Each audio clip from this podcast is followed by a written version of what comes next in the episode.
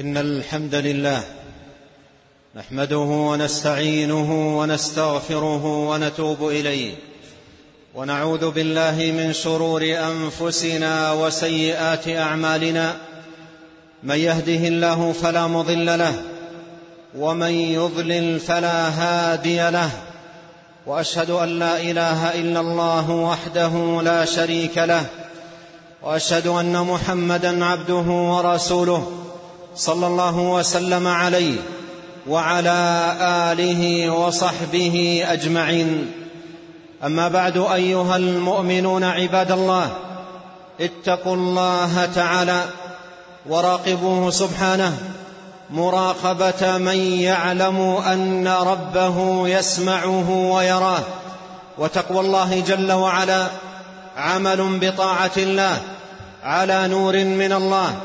رجاء ثواب الله وترك لمعصية الله على نور من الله خيفة عذاب الله.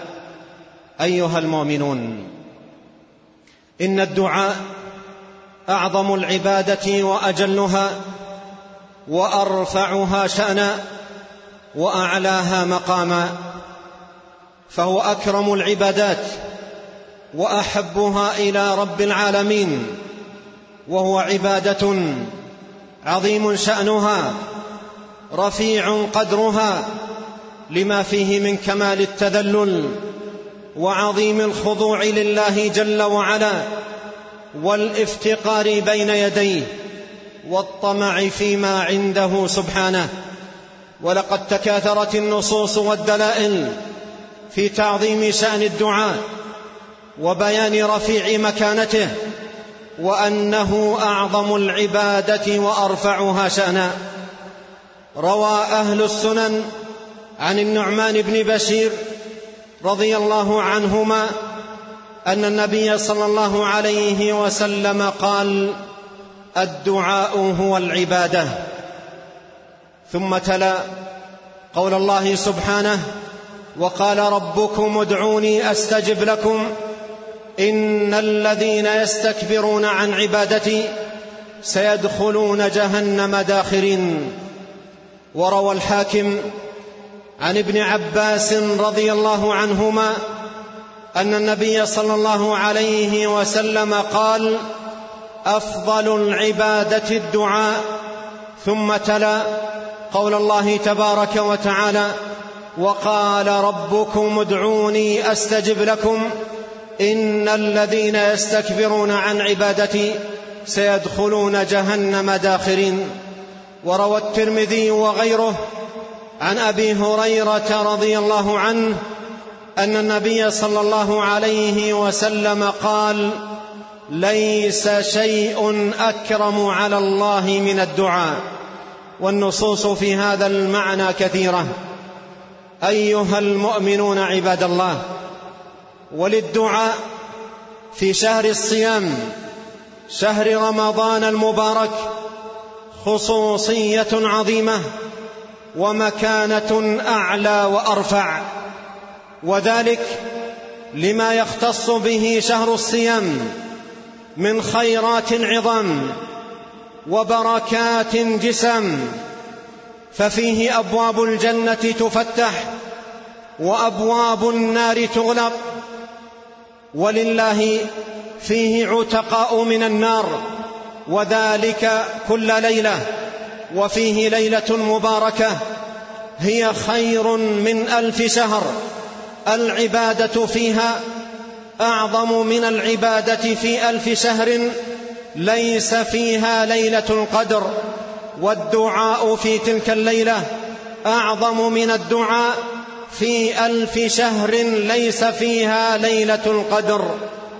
أيها المؤمنون ومما يبين لنا مكانة الدعاء في شهر الصيام شهر رمضان المبارك أن من أعظم الآيات في القرآن حثا على الدعاء وترغيبا فيه وبيانا لعظيم شأنه وهي قول الله سبحانه وإذا سألك عبادي عني فإني قريب أجيب دعوة الداع إذا دعان فليستجيبوا لي وليؤمنوا بي لعلهم يرشدون. جاءت متخللة بين آيات الصيام وأحكام الصيام في سورة البقرة فقبلها قول الله جل وعلا شهر رمضان الذي أنزل فيه القرآن. وبعدها قول الله جل وعلا احل لكم ليله الصيام الرفث إلى نسائكم. فجاءت هذه الآية العظيمة متخللة بين أحكام الصيام في سورة البقرة مما يدل على عظيم مكانة الدعاء في شهر الصيام. وقد جاء في السنة عن نبينا صلى الله عليه وسلم من الأحاديث ما يقرر هذا المعنى ويشهد له. فقد ثبت عن أبي هريرة رضي الله عنه أن النبي صلى الله عليه وسلم قال ثلاث دعوات مستجابات دعوة الصائم ودعوة المظلوم ودعوة المسافر. رواه الطبراني في الدعاء. وروى البيهقي في السنن. عن أنس بن مالك رضي الله عنه أن النبي صلى الله عليه وسلم قال ثلاث دعوات لا ترد. دعوة الوالد لولده ودعوة الصائم ودعوة المسافر.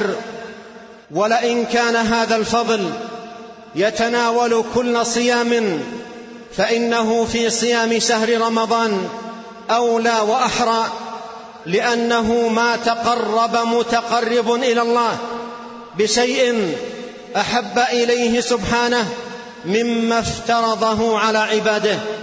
وصيام رمضان صيام فريضة والعبد فيه في حال فاضلة رفيعة. ولهذا ينبغي على الصائم أن ينتهز هذا الموسم المبارك وصيامه في هذا الشهر الفضيل فيقبل على الله جل وعلا اقبالا عظيما داعيا راجيا طامعا فيما عند الله جل وعلا.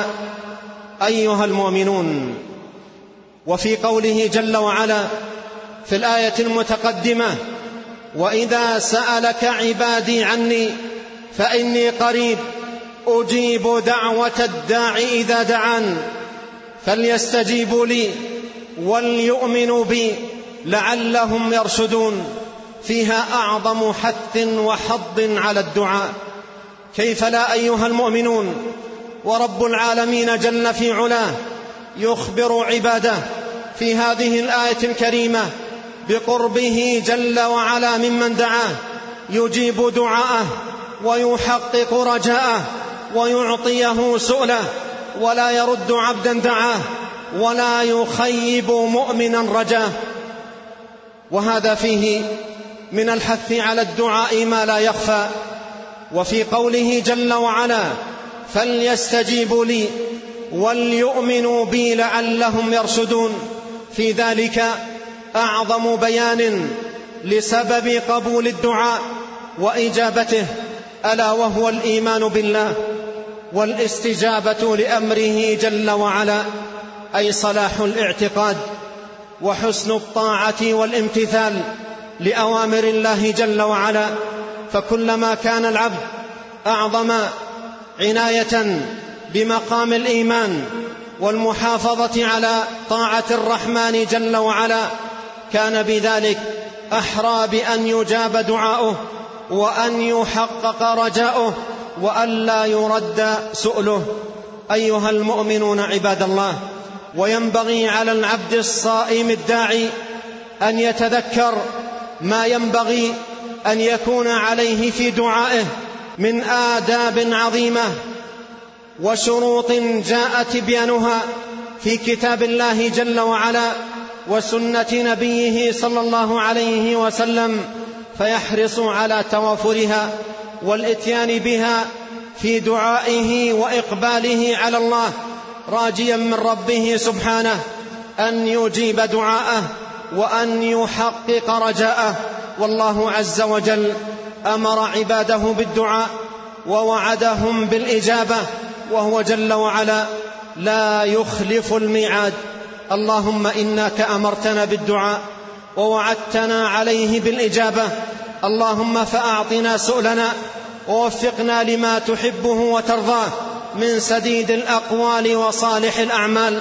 وأصلح لنا شأننا كله ولا تكلنا إلى أنفسنا طرفة عين. أقول هذا القول وأستغفر الله لي ولكم ولسائر المسلمين من كل ذنب. فاستغفروه يغفر لكم. إنه هو الغفور الرحيم.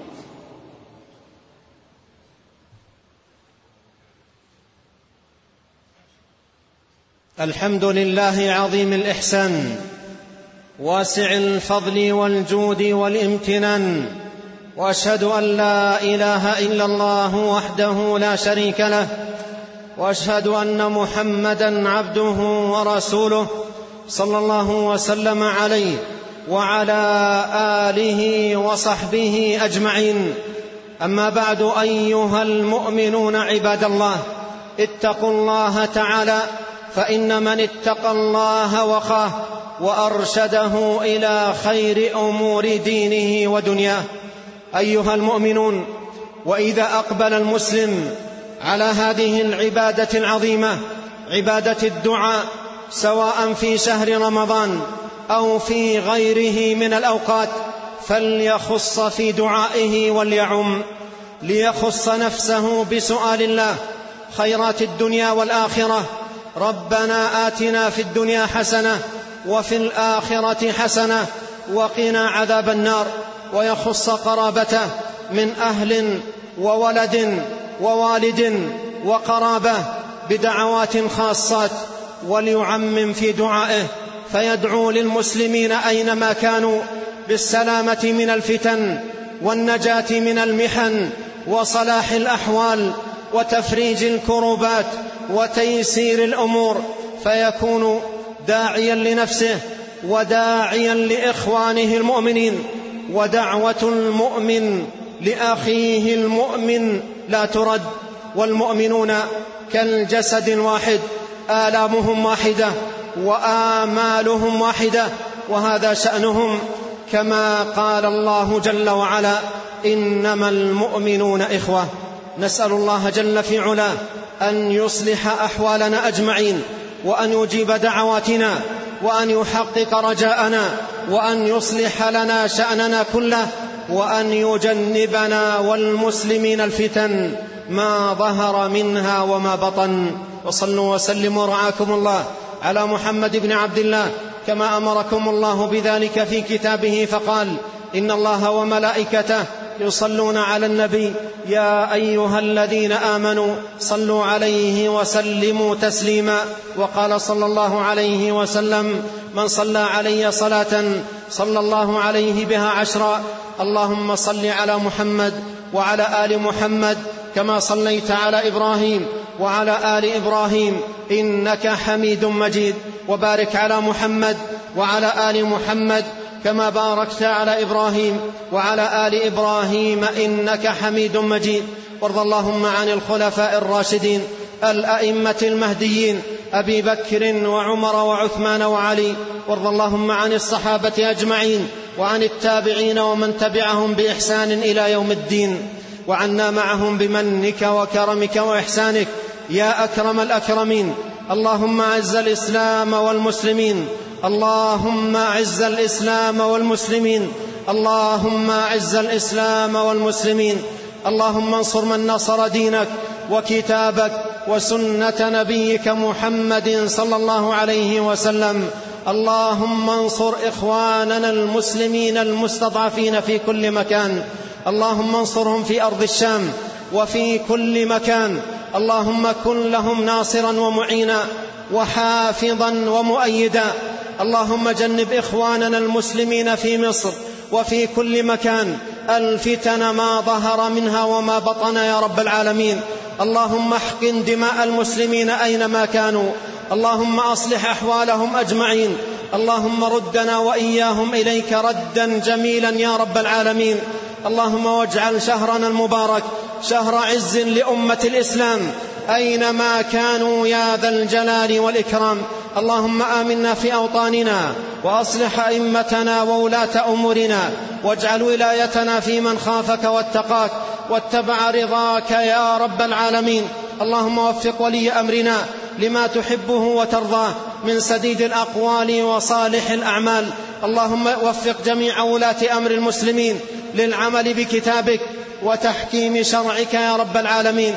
واجعلهم رحمة على رعاياهم اللهم ول على المسلمين أينما كانوا خيارهم واصرف عنهم شرارهم يا رب العالمين.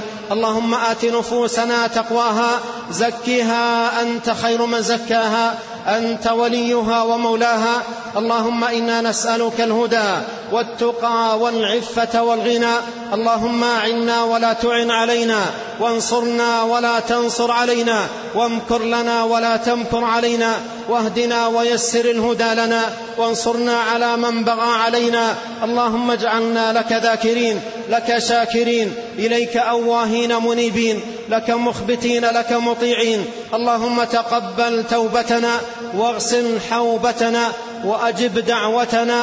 وثبت قلوبنا وسدد ألسنتنا واسلل سخيمة صدورنا.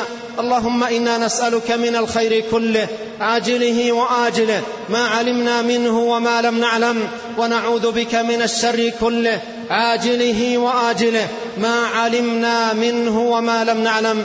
اللهم اغفر لنا ولوالدينا وللمسلمين والمسلمات والمؤمنين والمؤمنات الأحياء منهم والأموات. ربنا إنا ظلمنا أنفسنا وإن لم تغفر لنا وترحمنا لنكونن من الخاسرين. ربنا آتنا في الدنيا حسنة وفي الآخرة حسنة وقنا عذاب النار. عباد الله اذكروا الله يذكركم واشكروه على نعمه يزدكم ولذكر الله أكبر والله يعلم ما تصنعون.